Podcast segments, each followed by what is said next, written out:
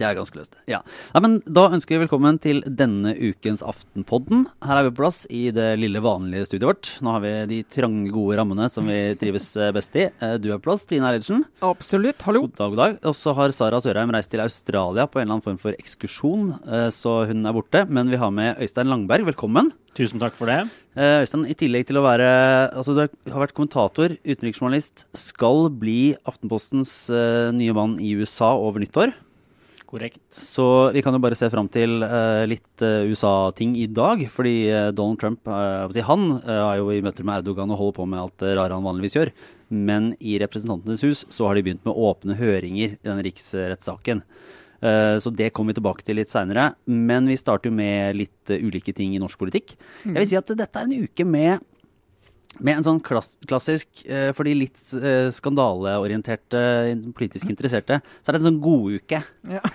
det er eh, for det der av og til Nå kommer vi inn på Jeg vet ikke om vi skal kalle det en slags skandale, men det er en debatt med ordentlig høy temperatur, i hvert fall. Mm. Eh, som en kan ta stilling til. Eh, og der kan jeg jo starte med litt sånn historikk, eller hva skal man si, en liten analyse. Så er det jo to ulike typer sånn, hva skal man si, snakketabber eller snakketing som fyrer opp en debatt, da. Uh, og uh, vi kan jo bruke Kjell Ingolf Ropstad som eksempel i begge tilfeller. Tilfeldig eksempel denne uka, Ja. ja. Uh, fordi han hadde jo en, en, runde i sin første partilederdebatt.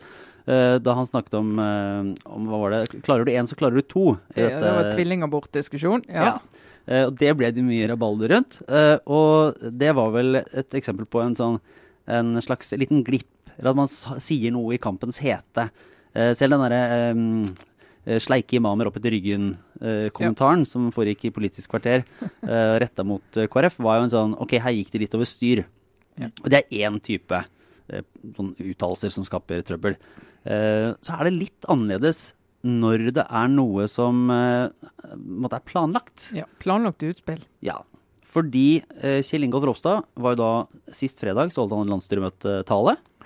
Uh, altså Det er da internt i KrF, de ulike representantene fra fylkeslag kommer sammen uh, og snakker. Uh, vanlig at partileder holder en tale. der han kom inn på det, trusler mot KrF og deres, deres politikk. Samfunnet, mot samfunnet, egentlig. Ja, det, ja, for det var, jo, det var jo et bredere enn som så. Der han dro fram høyreekstremisme, krefter som vil bygge ned religionens plass i samfunnet. Uh, og sist, men ikke minst, som han sa, miljøbevegelsene rundt om, særlig i Europa. Og så har det kommet litt fram også i Norge. Og hva er det som er hoved, si, hovedkritikken hans, Trine? Nei, altså Han sier nok ikke miljøbevegelsen som sådan, for han understreker jo at det er viktig at de har fått løfte klimasaken, og her er vi på samme side og sånn. Men han er opptatt av dyrevernsegmentet i miljøvernbevegelsen, og sier at for KrF, som har menneskeverd som øverst på listen over prioriteringer, så krasjer det med en god del av verdiene i den delen av miljøbevegelsen. Så han snakker om de som regner dyrs som like viktig som mennesker, og mener at eh, hvis disse får eh, påvirke debatten for mye og begynner å, begynner å, lytte for mye til de, så er det raka veien inn i aktiv dødshjelp, og det så verre er. Ja. Sånn, men han er på at uh, de som ja, liker det er, jo, det er jo litt sånn det, Grunnen til at det kanskje skjærer for mange, er vel at uh, miljøbevegelsen uh, har måte, hatt en greie at man, skal, okay, man løfter opp dyrevelferd. Og så mener da Ropstad at dette går på bekostning av mennesker verd. Men det, det, er det som blir så rart. fordi at og jeg tror det er det som har skapt problemer for han. Da, fordi Han har jo ikke gått inn i en aktuell debatt i Norge eller i Europa for den saks skyld. Han viser til et innlegg som eh, Grønn ungdomsleder skrev i sommer. Eh, der han eh, skriver at menneskeverd kan, når vi snakker så mye om det, kan det stå litt i veien for at vi også tar vare på andre arter. Og Liksom. Men, men det, det, ble jo ikke så mye rundt det. og så Nå er det ikke en sånn aktuell debatt. Hadde vi f.eks. hatt en pelsdebatt nå, der uh, han da sitter i en regjering som avviklet, uh, skal avvikle pelsdyrnæringen. Og Hvis det hadde vært debatten, så kunne han jo sagt at nei, men herlighet, nå er vi et sted der liksom dyr har fått så stor egenverdi at vi ikke kan drive industri på dem. Og det mener jeg, det går ikke an. Det er for viktig at mennesker har noe å leve av. Det går jo an å mene. Mm. Men her går det jo helt inn i den derre Eh, verdier i én politisk bevegelse versus verdier i en annen. og Det var jo derfor Rune Bastholm og MDG ble så rasende. fordi De opplever jo at han snakker ned deres menneskesyn.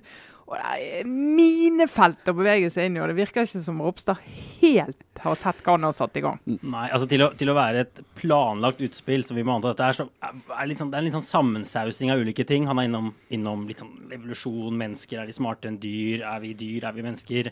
Eh, og og så litt om som vi snakket om, menneskesyn i miljøbevegelsen. Og så er han litt innom ettbarnspolitikk plutselig i Kina, India. Eh, sveip, bredt sveip. Og det er jo ikke noe stort trykk for en ettbarnspolitikk i Norge. Han nevner noen eksempler på folk som har tatt til orde for det, men det er jo ikke noen sånn som politikerne presser på for å få gjennom. Jeg vil vel synes å si at det er toneangivende krefter som jobber for ettbarnspolitikk ja. i Norge. Tvert imot, vil jeg vel si. Ja. Jeg vil jo si, vil forsvare da fra et mediestandpunkt at han har jo rett i at uh, dyr alltid er mer, litt pop mer populære enn en mennesker.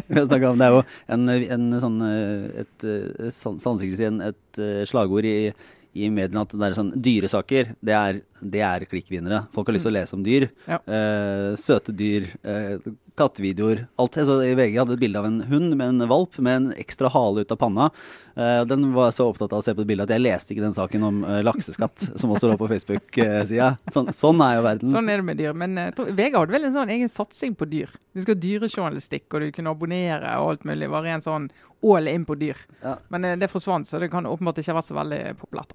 Nei. Så, men det, ja, for det som er, er at man det her har de jo da sittet antageligvis i forkant av dette landsstyremøtet, må man anta, og tenkt at ok, nå trenger vi, uh, vi trenger litt punch i den talen her. Vi må mm. ha et eller annet poeng som skal skape litt konflikt, uh, skape litt et, et, eller annet. De må jo være forberedt på denne debatten. Er det noen kan se for seg at de Hva er det de kan ville ha villet få ut av det sjøl, egentlig? Altså, vi skal prøve å tenke sånn strategisk. Hva kan poenget være med dette? Så kan det jo være at KrF skal finne plassen sin. Kan ikke lenger ha Frp som hovedfiende, for de regjerer jo sammen. Så du må liksom finne noen der ute som kan kontrastere du kan kontrastere det mot på politikk og verdier. Og Da må du jo lete litt. Altså si ok, det grønne miljøbevegelsen, ja vi er jo enige om klima, det er jo kjempeviktig. og sånn, ja, Men det er et eller annet der som vi kan ta når ikke vi skal snakke om eh, de gale venstresiden som bare vil legge ned religion og sånn, så har vi en mulighet her til å kontrastere. Sånn. Så går an å se sånn politisk strategisk på det. Og jeg hører Vebjørn Selberg er jo veldig imponert, redaktøren i Dagen. Mener at dette var et kjempeflott utspill, og hvor han klarer å snakke til en del av de som Eh, jo, de er for så vidt klimavennlige, men det er et eller annet med denne mastodontiske, eh, veldig enhetlige miljøbevegelsen som de ikke helt trives med. da. Og kan gå litt inn i det der eh, ikke ødelegge det gamle samfunnet vi kommer fra, våre verdier. Vi må huske rekkefølge og hierarkiene her. Han har jo vært i rampelyset nå i flere dager på rad også. og det er jo ikke hver landsmøtetale forunt, eller landsstyremøtetale forunt. Nei. Så det kan, kan hende det virker, tror du? Altså. Det, nei, altså det, det, er jo vanskelig å si. Jeg vet at uh, en, et av hans forbilder er Ebba Busch Thor i, i, Sverige, leder for Kristdemokraterna i Sverige. Som jo har gjort en formidabel jobb med, med å løfte det partiet. Når hun begynte, så ja, De strevde jo ned på tretallet vet du, på målingene har vært oppe over 10% har de vært på i perioder. Falt i vår pga. en uh, veldig uheldig uh, situasjon med, til, med ma sin mann i EU-parlamentet som har drevet å stemme mot uh, abortrettigheter i hytt og pine uten å forankre hjemme. Så fikk masse kritikk for det. så de har falt litt, men de er jo fremdeles over 6% og det kan jo KrF i Norge bare drømme om. Men det, hun, jo, hun, var den første partilederen som satte seg ned og spiste lunsj med Jimmy Åkesson for å snakke om politikk og saker. og Det var stor furore i Sverige. Eh, og Hun har også liksom gått inn i denne her, Vi er et parti som er ordentlig på høyresiden. Vi er de som står for verdiene, liksom de gode, gamle verdiene. Og vi eh, må liksom kunne snakke om innvandring på en annen måte. Og hun har liksom gått inn der og har suksess. Så det kan hende KrF, Ropstads KrF prøver å finne en vei der de kan markeres i et sånt sentrumslandskap som begynner å bli stadig mer utydelig. da. Men altså, ja, Vi kan jo se på målingene, men vi blir, blir, veldig overrasket hvis folk der ute på en måte fanget poenget her, i og med at fienden er såpass utydelig da, i Norge, i det norske politiske landskapet. Så er det jo litt rart at de prøver tydeligvis å, å vri seg litt fra å da um Altså, de, de, vanligvis kunne angrepet på noen av disse tingene, sitter jo i regjering med. Ja. Altså, øh, Venstre er jo mer liberale på, vel så det på, på en del sånne bioteknologispørsmål som det MDG er. Ja, og Venstre har jo en veldig tydelig sånn dyrevelferdspolitikk. Og har jo hatt det altså i plattformen. De fikk jo inn avvikling av pels i plattformen, regjeringsplattformen. Mm. som jo Ja, men det, det, er også den hvis du begynner Hvis du skal ha den målestokken at jo snillere du er med dyr, jo mindre snill er du med mennesker, så blir det litt sånn Ja, de, de fikk inn dyrevelferd i plattformen. Ja, da må du være imot mennesker. da, ja, og den diskusjonen om aktiv dødshjelp foregår jo blant annet der, da. Ja. Så det er jo en av deres egne regjeringspartnere som er markant på det ene av disse områdene. men, men, det er noe som har beskrevet det som en litt sånn tett prøveballong. altså Han sender opp den her. Det er litt sånn kulturkrig over det. Han tester ja. ut noe, noe, av det Babush Thor gjør, og så, og så, ser man om det fungerer. Og det blir veldig interessant. Men jeg tror noen dette fungerer for, er jo Miljøpartiet De Grønne. Ja. Som, ikke sant, De har jo allerede konflikt med Fremskrittspartiet. Senterpartiet har meldt seg på, gjort litt sånn konfliktakse der. Uh, du har jo bompengemotstanderne, og nå også KrF. Så de kan jo kanskje le hele veien til valgurnene. De får i hvert fall være, være i rampelyset. Ja, ja det, det, det, er, for det er jo et eller annet eh, Politikken handler jo eh, Og det er en ting å ha god politikk, men det, det viser seg jo at det er veldig Det kan ofte være lettere å å få til noe på hva man er imot, enn noe man er for. Eh, eller i hvert fall å vise det fram med å peke på noe man er imot. Og, og der er det jo noen som er flinkere enn andre. og bare å være inne på det, Nå har jo Senterpartiet og Arbeiderpartiet for den saks skyld vært ute med sine alternative statsbudsjetter. Eh, og Trygve Slagsvold Vedum fikk jo en måling her på over 20 mm. Det lå bare var det, 2 prosentpoeng bak Arbeiderpartiet, eller cirka hvert land der. Alle lå egentlig praktisk talt uh, likt. Det er vel uh, Det skal litt til å tro på at det skal vare? Eller er det det har vi sagt nå i et vet, år? Årvis? Målet til Senterpartiet har vært å bli Norges tredje største parti. Det har vært målet. Og det mener jeg de har. Det har de jo klart for lengst. Ja. Og etablert seg liksom på det nivået. Og det, jeg kan ikke se noen sånn åpenbar grunn til at de ikke skal fortsette å sige ytterligere oppover. Mm. Men de gikk jo da ut og på en måte og, og tirre opp Frp mer, også i forbindelse med sitt alternative statsbudsjett. Øystein. Ja, de, de, sier jo at uh, Frp har abdisert eller slags sier det, abdisert rollen som bileiernes parti, og nå er det han som er bilkongen, virker det som er, er budskapet. Uh, og det, det, kan jo hende det, det, fungerer, det ser i hvert fall sånn ut. På, på snittet av målingene nå så har de altså litt flere, et mandat mer enn Høyre, tror jeg. Så de er liksom nest størst på Stortinget på gjennomsnittet av målinger. Og vi har jo diskutert finnes det noe tak. Nordmenn flest bor jo i tettsteder, i by. Eh, men det ser jo egentlig ikke sånn ut. De bare kryper og kryper oppover. Og Spørsmålet er hva, hva som vil skje hvis de blir Norges største parti ved neste valg. Altså, Tror du Trine, at det er tenkelig at de kan drømme om å få statsministeren, eller er det helt ja. uaktuelt? Altså, jeg, jeg, jeg, vil jo tenke at det er vanskelig å se for seg, da, men altså her, her, skjer det jo ting. Minutt for minutt. Nei, altså jeg tror de går til valg på Støre som statsminister. For jeg tror ingen på den siden ønsker seg en diskusjon om det eh, frem mot valget. At det skal liksom bli en sånn konflikt. For det er sånn som skremmer velgere. Så det må de bare få ryddet av veien og bestemme seg for. Og der tror jeg de er egentlig ganske trygge på det. Men det er klart hvis du har et Senterparti som er like stor som Arbeiderpartiet, et sånt samarbeid med den bil- og drivstoffpolitikken. Og så skal vi samarbeide med SV og snakke litt med MDG, og det blir jo en fest. Mm. Det kommer til å bli en fest å følge. Arbeiderpartiet klarte jo å tire på seg en uh, god del med sitt uh, alternative statsbudsjett. Der det mest konkrete og tydelige, i hvert fall i debatten i første døgnene, var forslaget om å innføre en moms på de dyreste elbilene. Altså innføre moms på den delen av elbilene som kosta mer enn 600 000. og det, den elbildebatten den går jo med jevne mellomrom gjennom, gjennom hele året. men da fikk de jo Det som var litt rart, var at de fikk motstand fra Høyre. Og nå kan det at jeg husker litt feil, men var det ikke sånn at regjeringen egentlig kom med et forslag for ikke så lenge siden om nettopp at de største og tyngste elbilene skulle, uh, skulle få redusert sine fordeler? Det var en del av en budsjettprosess som, som, ble forhandla ned. Ja. ja. De tyngste, for det skulle gå på vekt. Er, altså, så det ble avvist i Stortinget her. for da sa jeg, Men da er noen av de store bilene med, med stor rekkevidde som ikke er dødsdyre, men som du kan ha bruk for i distriktene som vil bli rammet. Så, så da ble nå det parkert. Så tyngste, det var altså, så, Tyngste. Tyngde går bra. Uh, pris uh, er nei. Tyng, tyngste versus dyreste. Ja. ja. Det er mye, ja, Som Arbeiderpartiet er opptatt de dyreste, da. Ja. Mm. Og det andre som var, uh, var litt fascinerende, det, jeg forstår den var litt sånn retorisk, at kritikken mot Arbeiderpartiet var at dette vil de innføre i, altså i 2020. Som jo uh, er på en måte naturlig i og med at det var et alternativt statsbudsjett for 2020. Så ja. det ligger jo der i teorien. Eh, Men det er jo altså, det er vel ingen som egentlig tror at dette, hvis Arbeiderpartiet får det som de vil, vil innføre dette i 2020. Nei, men, men det er jo det som er så rart. Altså Disse alternative statsbudsjettene de er jo nødvendige på den måten at du, partiene får markert eh, politikk ved å ta utgangspunkt. Og det gjør de. Tar utgangspunkt i det budsjettet regjeringen har lagt frem.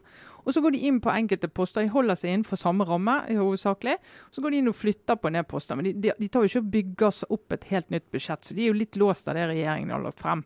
Eh, og så sier de istedenfor å bruke penger der, så bruker vi penger der. Så det blir en sånn teoretisk øvelse som de kan bruke i debatter. Hører ofte at de sier det at uh, i vårt alternative budsjett foreslo vi en milliard mer. og Mens de sier dere la ingenting om det i deres alternative budsjett. Det betyr at du bare sitter og snakker og egentlig ikke mente det. Sant? Så det er en sånn uh, retorikkbit som de bruker det til. da. Men å liksom anklage Arbeiderpartiet for at de vil innføre det i 2020, som om hvis det blir regjeringskrise i morgen, så vil de gjøre det. Det er jo helt meningsløs kritikk. sant? Ja, det virker vel som det er en voksen erkjennelse av at, at elbilfordelene har blitt veldig store og veldig dyre. Det er jo altså, det er litt ulike tall, men du snakker om 13-14 milliarder kroner. Så det har på en måte vokst fram som den virkelig store politiske satsingen i Norge eh, liksom de siste tiårene nærmest. Det er masse, masse, masse penger. Og at det må gjøres noe for å begrense det, det vil vel presse seg fram før eller senere. Ja, det vil jo det. Så er det jo målet om at det skal ikke selges biler som eh, gir utslipp i 2025. Det skal kun kjøpes utslippsfrie biler eh, når vi kommer til 2025. Så da er jo, mener politikerne at vi må i hvert fall holde på dette frem til det. Men det er klart, statskassen, uavhengig av klima, trenger inntekter fra bil. Så hvis liksom dette blir veldig vellykket politikk, det er akkurat som med bompenger. Når den politikken lykkes veldig, så taper du så mye inntekter at da er du nødt til å begynne å bygge på igjen med avgifter for å kom det fram at eh, Oslo går glipp av 400 millioner uh, bompengekroner? eh? Ja, det er vellykket, nå, eh, vellykket bompengepolitikk sett fra et klimaståsted. Men, eh, og det, det, det jo, Hvis det virker, så skal du jo ikke kjøre der. Og da har du ikke inntektene som du har tenkt å bruke til å finansiere kollektiv og vei. da. Mm. Ja. Eh, Vi kan jo fortsette til en eh, annen sak. En eh, klassisk enkeltsak som har fått eh, påvirkning eh, på politikken. Eh, UDI har vel kommet inn da som, eh, som eh, neste på hoggestabben etter Nav. Ja. eh, Når det gjelder håndtering av ulike saker. Her var det da en eh, familie, familiesak som kom i Aftenposten eh, i helgen. Mhm. eh, om da den unge tannlegen Masa Agabararian, som jeg måtte jobbe litt med, sorry. Jeg, nå føler jeg meg veldig sånn erkedårlig på, på navnefronten her. Iranske navnet, ja. Eh, tradisjon. Eh, og, og da eh, mannen eller kjæresten eh, Magnus eh, som var sammen, hun hadde i hvert fall opprettet enkeltmannsforetak, var tannlege, som vi vil ha i Norge fra utlandet, men drevet på en måte og ved å opprette enkeltmannsforetaket brutt med, med reglene for UDI, da, og fikk et fikk et eh, en utkastelsesordre. Og, og litt av det som var ekstra kontroversielt, var jo da at de har en, en, eh, et lite barn på seks måneder. Som de fikk beskjed om at eh, ja, den kontakten kan du egentlig ha via internett i dag. Du kan skype med babyen. Ja, og Du har jo, eh, jeg vet ikke om du har fulgt denne med interesse, da, i hvert fall, Trine? Ja, det har jeg gjort. For det er jo en eh, Bare for å si det, det er, vi i hvert fall i Aftenposten har veldig høy terskel for å ta tak i den type enkeltsaker, altså utkast, utkastelsessaker. Um, og En viktig grunn til det er at det er ofte veldig eh, sammensatte grunner til at denne situasjonen har oppstått. Eh, og så En annen viktig grunn det er at jeg mener en forutsetning for at du skal kunne gå inn i de, er at taushetsplikten oppheves. Eh, også i de, altså at de vi skal skrive om, sier at dere får vite alt. Det må ikke være sånn at det er noen dokumenter vi ikke får innsyn i. og sånt, for det må jo faktisk, Vi skal ikke skrive alt, på ingen måte, men vi er nødt til å vite alt, sånn at vi kan sjekke historie og sjekke opplysninger, at de, at de stemmer. da. Og da kan UDI også kommentere sak, enkeltsaker, ikke sant? Ja, Ikke minst, ikke minst, så de ikke bare kan si vi kan dessverre ikke kommentere av, av, eh, via taushetsplikt. For den type saker det gjør ikke folk noe klokere. da. Eh, Men, da, men den saken er jo veldig spesiell nettopp pga. denne her, eh, passasjen om at eh, ja, jeg vet du har en seks måneder gammel baby, men det, vi har ved internett fins kommet for å bli. Du får holde kontakten. Altså Det virker så utrolig kaldt og hardt. Eh, og når du liksom leser historien hennes, altså hun fremstår på ingen måte som en som prøver å lure seg inn i landet og forfalske papirer og gjøre en del sånne ting som av og til gjør at sakene kan komme i litt eh, grenseland. Så da er det jo en sak som du, vi forteller for å sette søkelys på den delen av uh, utlendingsloven. Og Så går det jo to dager, da, og så snur jo de, og så får hun jo bli likevel. Og da, jo, da har jo allerede statsråd Ropstad igjen, da, eh, for dette feltet vært ute tidlig og sagt at eh, dette går ikke an, dette må vi endre på. Heit på grøten, Ropstad, denne Heit uka. her. har Vært, vært så usynlig en stund, så nå er det bare å hive seg over. Ja. Som jo et aldri så lite brudd med det prinsippet vi har om at når politikerne valgte at dette skal skje ute i en etat. Eh, Vi lager lover, regler, men selve forvaltningen og, utøvelsen av det skal skje med armlengdes avstand. Og grunnen til at de begynte med det, var nettopp for at de ikke skulle ha sånne tåredryppende saker i fanget, så de ble liksom presset til å gi enkeltpersoner særbehandling med utgangspunkt i et lovverk som egentlig skal gjelde alle. De ville si at det her tar UDI og nemnda seg av. Eh, Men nå eh, tok de jo denne saken, og da er jo det en, del i denne loven som handler om skjønn. Du skal faktisk se på situasjonen til den unike familien, og det er ikke et regneark du går inn i. Og når du da går inn med et nytt skjønn, så ser du at ja, vi, vi skulle ikke gjort sånn, skulle gjort på en annen måte. Så vi endrer. Ja, vi så jo det. altså Den saken resonnerte jo veldig blant, blant alle Aftenpostens lesere. Eh, Det er sjelden man ser sånn. Eh, det var jo, ja, det var åpenbart at det var noe som stre, det var litt i strid med den rettsoppfatningen folk har. da. Men det er jo et tilbakevendende problem. og Når man snakker med toppolitikere som har vært liksom i gamet lenge, så, så er det sånn frustrasjon over at de på en side føler seg pressa til å stramme inn disse lovene ikke sant? hele tiden av velgerne. Og så kommer disse enkeltsakene som viser hvordan lovene faktisk er, og så er det totalt uh, folkeopprør. Det er en vanskelig situasjon. Ja. Men eh, du hadde en sak eh, for eh, nå en god stund siden, Øystein, om, fra Trygderetten. Var, var, kom vi litt i snakk om, eh, og hva var det du så på der? Kan bare... Ja, der så vi på hvordan dommerne dømte i Trygderetten, og om det var noen variasjon på hvor strenge de var. Og da var hele bakgrunnen for den saken var at dommerne får tildelt saker tilfeldig og behandler masse, masse saker. Eh, Så da kan man si noe om over tid om dommerne er, noen dommere er strengere eller mildere enn andre. Og da fant vi ganske betydelige forskjeller. Altså at det hadde ganske mye å si hvilken dommer du fikk på saken din.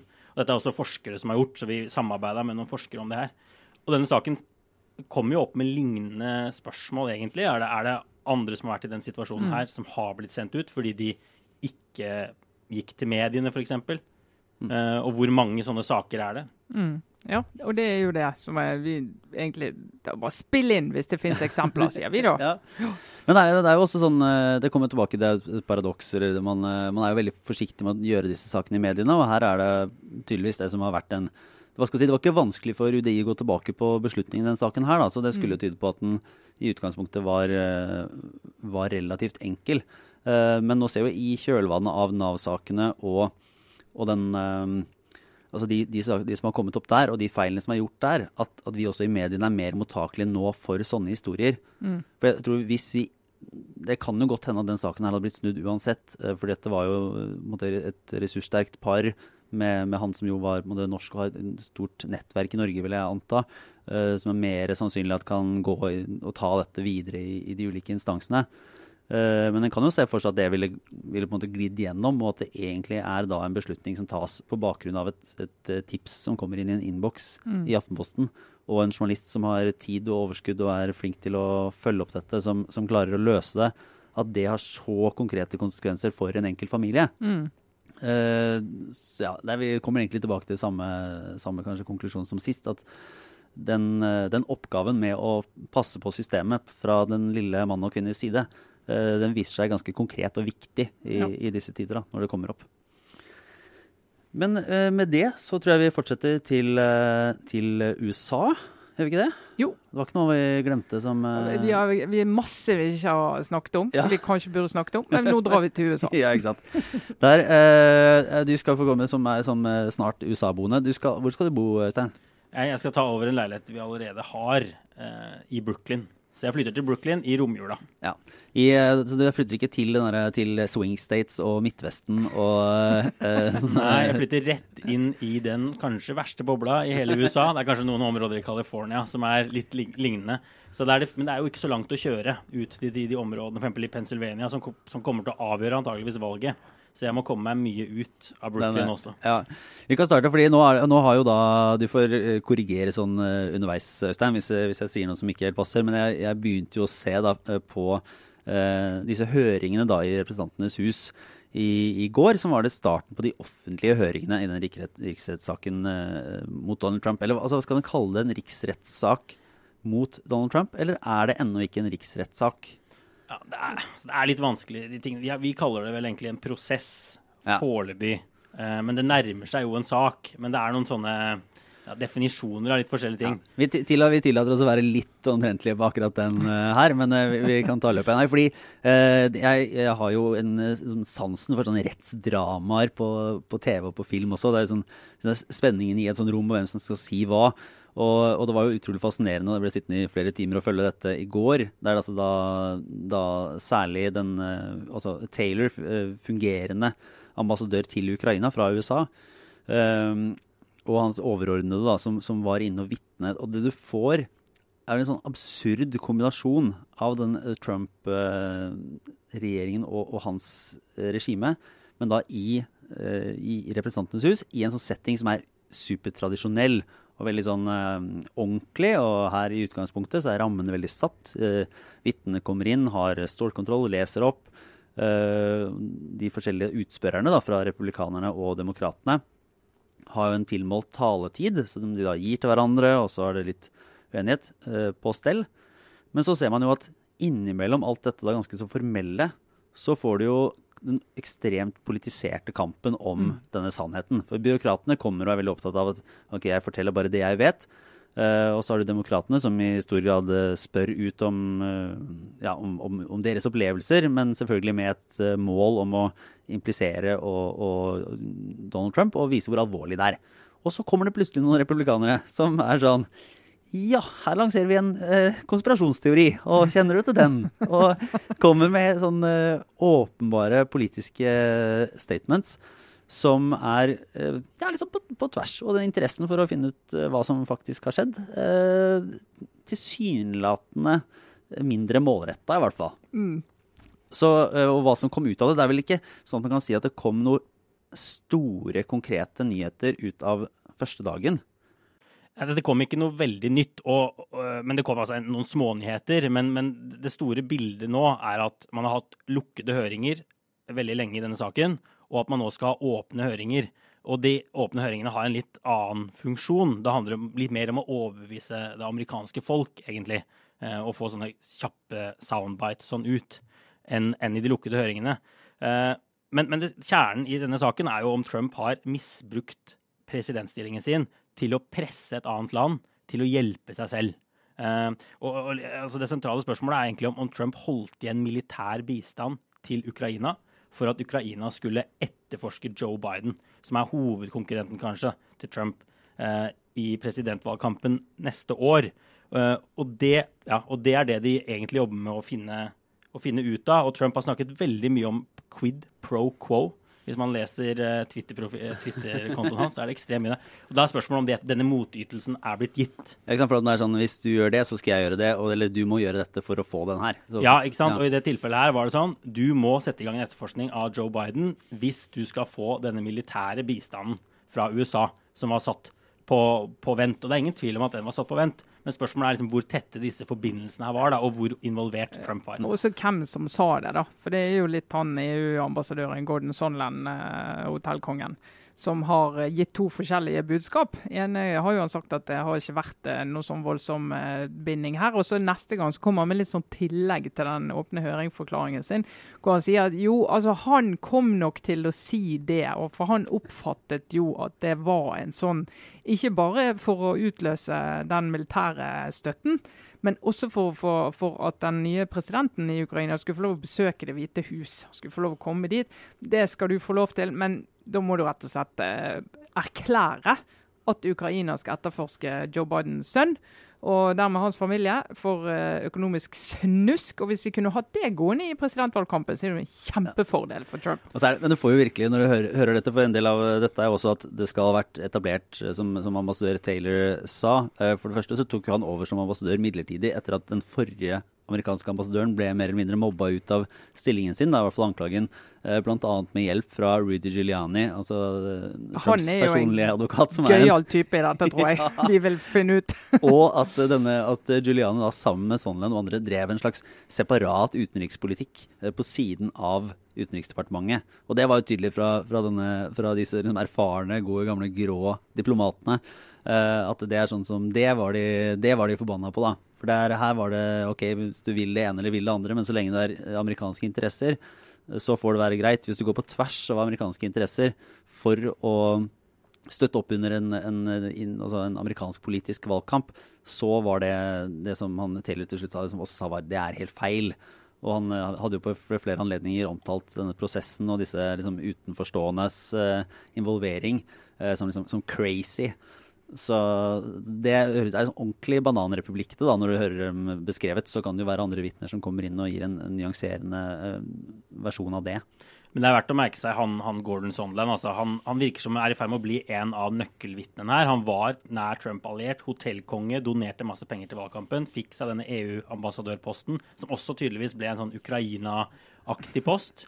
Og så er han Uh, først stilte seg ganske nær presidenten, og så sa han seg villig til å vitne. Og så kom han med dette oppdaterte vitnesbyrdet sitt i, i, forrige uke. Det er ofte et dårlig tegn hvis du må oppdatere vitnemålet ditt. Om at han jo faktisk hadde, at han jo faktisk hadde sagt rett til ukrainerne at de måtte sette i gang en Biden-etterforskning for å få komme til Det hvite hus og for å få disse militærpengene. Så, og han skal vitne neste uke, og det blir helt sikkert en, en svært viktig dag i, i, i denne ja. hele prosessen. Hvis en skal uh, ta liksom store bilder igjen, da, er det noe nå uh, som tyder på at uh, Donald Trump faktisk kan bli presset ut som følge av dette, eller hvordan ligger det an? Det, altså, på meningsmålingene så har det da skjedd noe etter at denne, denne saken blussa egentlig opp i september med et sånt varsel som starta, som gjorde offentligheten kjent med hele saken. Og da spratt meningsmålingen opp i den forstand at 50% av amerikanerne nå sier at de er for denne prosessen. Uh, og så er det sånn som rundt 45. Altså det er, det er, et lite flertall som synes det er riktig mm. å starte prosessen.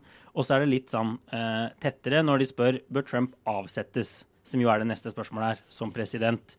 Uh, og det er nok ikke nok i det hele tatt til å, til å skremme republikanerne. For til syvende og sist så er dette en helt politisk prosess. Det handler ikke om Trump har brukt straffeloven eller ikke. Det handler om de ser seg tjent med å ha Trump som president inn i valgkampen i 2020. Og slik det er nå, så, så er, gjør Trump det såpass bra at republikanerne stiller seg bak ham ja, nesten 100% De hadde en votering i, i Representantenes hus ganske nylig, hvor det var bare demokrater som stemte for å gå videre med, med riksrettsprosessen. Og, og, hvis den går videre fra Representantenes hus, så kommer den til Senatet, og da må du ha to tredjedels flertall. Og der har jo republikanerne flertall, altså rent flertall fra før, så da må det jo, må det jo en stor grad av forflytning til for at noe skal skje. Ja, ja. Nei, men eh, det kommer tilbake til Trump òg, men eh, ja.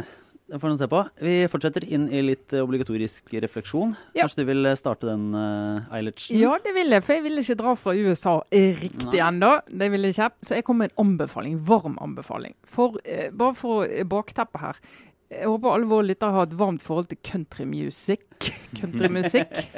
Det håper de har. Det, det, må du ha, Fra før av så har Trine, Trine satt uh, tent et lys og, og, ropt ut for kormusikk. Og julemusikk, ikke julemusikk, minst. Ja, for nå er vi på den tiden den tiden på hvor vi skal snakke litt om musikk i Aftenpodden. Ja. ja. Så skal vi snakke om det. Eh, jeg bodde i Texas en uh, kort periode, og da hørte jeg masse Mer og mer skulle det vise seg. Jeg kom bort der som litt sånn du vet, litt sånn av den norske typen så countrymusikk, det er så harry, og hvem hører på det, og det er liksom så teit. Mm. Så hørte jeg på countrymusikk hver gang jeg kjørte bil, og der kjørte jeg mye bil, for det gjør du i USA. Og hørte mer og mer på den kanalen, til slutt bare på den. Og da ble jeg jo veldig glad i et par av de artistene. Men i hvert fall bakteppet. Country, det er jo eh, eh, Tekstene er jo sosialrealisme ofte, har vært tradisjonelt. Eh, gamle skillingsvisetradisjonen i Norge kan du kjenne igjen i dette. Dette er tradisjonelt artister som forteller om virkelig eh, arbeidsfolks liv. Um, og da må, er vi nødt til å snakke om Dolly Parton. Her, ja. En av uh, verdens Sjelden nevnt i Aftenpodden Veldig sjelden nevnt. Og egentlig, da, uh, jo mer jeg snakker om det, og jo mer jeg tenker på det, jo rarere er det at ja. ikke vi At ikke har kommet innom ja. Denne legenden, uh, Dolly Parton. Nå er det laget altså en podkast som heter Dolly Partons America. Ni episoder. vi finner den på Radiolab. De har noen teasere, og så har de en egen strøm på den. Og de eh, forteller historien til Dolly Parton, men som du hører på tittelen, det er ikke bare om Dolly Parton, men om Amerika, eller USA. Hun eh, brøt jo gjennom på slutten av 60-tallet, altså drøye 50 år siden. Eh, som en ung kvinnelig countryartist som eh, lag, eh, skrev en masse litt sånne Hun kaller det veldig triste sanger om eh, kvinners liv. Det handler i grunnen om enslige mødre, kvinner som blir slått, blir forlatt Eh, og liksom løfter kvinners eh, historie på en, eh, på en eh, spennende måte, faktisk den gangen, innenfor den sjangeren. Og så er denne podkasten sånn at ja, da kommer dette temaet opp. For den ene sangen handler om en kvinne som skriver brev til sin far om at eh, pappa, du må få meg ut av galehuset, altså psykiatrisk institusjon, som min mann har fått meg inn på. Så da går reporteren ned og så undersøker han, ja var, det, var det en problemstilling. Og det var det. Det var ikke uvanlig at menn som var misfornøyd med konen sin på en eller annen måte, kunne få hun tvangsinnlagt. Som gal, hysterisk, helt på jordet. Og så kunne han f.eks. finne seg en ny kone. Eller, men altså, han hadde en, ja, eksempel, ja. hadde myndighet over sin kone. Eh, Dette var før kvinners rettigheter overhodet liksom var eh, kommet høyt nok på agendaen. Så, Men hun, så hun fortalte en del sånne historier. Men i hvert fall, dette er jo en kvinne som altså, hun skrev I Will Always Love You. Som har vært på topp ti i USA i ti forskjellige tiår. Det er ingen Ti- sanger. Det går ikke. Jo, i Ti forskjellige tiår? Nei, tre, unnskyld, tre, tre ulike tiår. Ja. Tre ulike tiår. Det er jo den eneste sangen som har oppnådd det. Altså, Vi husker Whitney Houstons versjon og Dolly Partons egen versjon. Uh, og Hun har uh, altså skrevet enormt mange sanger som liksom er en amerikansk historiefortelling. Og nå begynner hun Hun har jo holdt på med sitt. Hun er veldig spesiell dame. Ikke minst ser veldig spesiell ut. Så det er en av grunnene til at mange ikke tar henne alvorlig, som man burde gjøre. Eh, og også veldig mye, veldig mye bra musikk, Dolly Parton. Men eh, nå er hun begynt å bli et sånn symbol på et Amerika som ikke fins lenger. Litt sånn samle USA. Eh, Så nå er det mye yngre lyttere, da, ifølge disse, som har begynt å få øynene opp for eh, Dolly Parton og hennes musikk, og ikke minst hennes historie, som er amerikansk musikkhistorie, amerikansk kvinnehistorie, og egentlig litt amerikansk politisk historie. Så jeg anbefaler den. Jeg koser meg sånn med den podkasten. Så bra. Den Så må var- du høre Jolene Ja. hvis du er i dårlig humør. Ja. Så må du bare sprinte av gårde. Jepp. Eh, Øystein, du har, du har vært ute på tur, er det så? Jeg har vært en tur i Nord-Norge nå. Ja. Ehm, så, så min obligatoriske refleksjon er vel ikke en anbefaling, mer en advarsel, vil jeg si. Eh, Her, så her, står- her, står vi, her står vi og vipper på, mellom sånn Distrikts-Norge hater deg, Distrikts-Norge elsker deg, men det er ikke så farlig, er det det var veldig hyggelig i Nord-Norge. Ja. Ehm, eh, de, som har, de som har lest Aftenposten de siste årene på nett, vet jo at vi har en forkjærlighet for sånne litt sånn stilige oversiktsbilder når man går inn i sakene. Gjerne sånn dronefoto som sveiper over noe landskap og sånn. ja, mm. Det ser ofte veldig sånn idyllisk ut. Uh, og veldig fresht, men det er ikke alltid helt sånn i kulissene. Og jeg var i fjor, uh, nei, forfjor var det vel, da jeg var i Estland på en reportasjetur. Da sendte vi opp en drone et stykke utenfor boligområdet. Og så bare forsvant den. Vi, vi kjørte rundt i timevis og leita etter den og hørte ikke noe mer. Før vi fikk den igjen av en jente på kvelden som hadde funnet den på taket der hun bodde. Og når vi kom opp til Nord-Norge nå, så, så var vi ute på noen laksemærer. Vi var ute på en båt og skulle ha en sånn flott oversiktsbilde over disse mærene. Kjempefin natur og sånn. Og så tar det liksom ti sekunder eller noe når vi har sendt opp drona, og så bare stikker den. Forsvinner ut. Helt ute av kontroll. Inni... i, inn i russisk Men Nei, var, vi var i Nordland, så det var ikke russisk territorium. Og så fikk vi etter hvert kont kontroll over den, trodde vi. Den, når den er tom for batteri, så kommer den tilbake til utgangsstedet. og, Og, skulle lande på båten. Og rett før den skulle lande, så bare stakk den igjen. Nei. Så han stakkars fotografen fikk til slutt styrt drona rett inn i veggen på laksemæra. Så vi trodde det hadde noe med, med, med, med liksom radiosignaler ute på sjøen og sånn. Men vi sendte den også på land etterpå.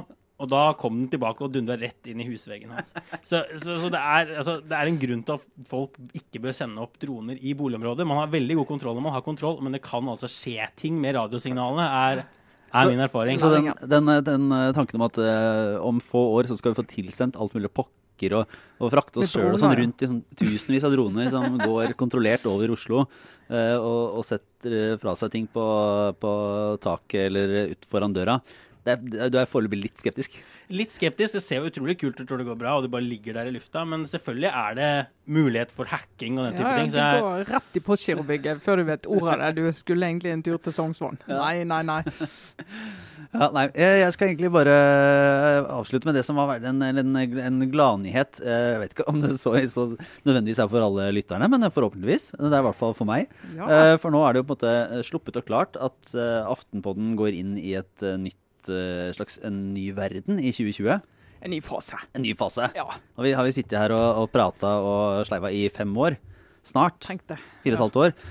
Og nå skal det faktisk bli fulltidsarbeidende med Aftenpodden.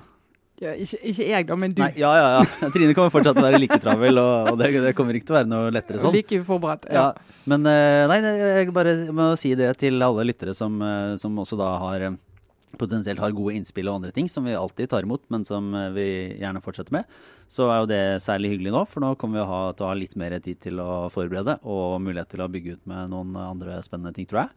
Mm. Så vi får bare håpe at folk følger med. Og det er jo det morsomste jeg driver med, så å kunne gjøre det hele tida er uh, for en glede. Ja, dette er en festdag. Ja, Festuke. Ja. ja. Nå begynner arbeidslivet å Nå begynner å bli Begynner å ta seg opp her. Begynner å ta seg opp til arbeidslivet. Jeg tror det skal bli bra. Uh, var, det noe, var, det noe, annet vi skulle ha med da? Vi kan vel uh, vi har, I utgangspunktet så kan vi si at vi skal ut på et spennende lite oppdrag neste uke. så da kommer det en utgave, men blir litt utenom det vanlige. Blir en Annerledes utgave. Ja. Helt klart. Så det, det kan, en, eh, kan, folk bare glede seg til. Ja, det tror jeg var det. Eh, takk, Øystein Lamberg, for at du var med. Bare hyggelig. Trine Eilertsen. Vær så god. Og jeg er Lars Klomnes. Ha det bra.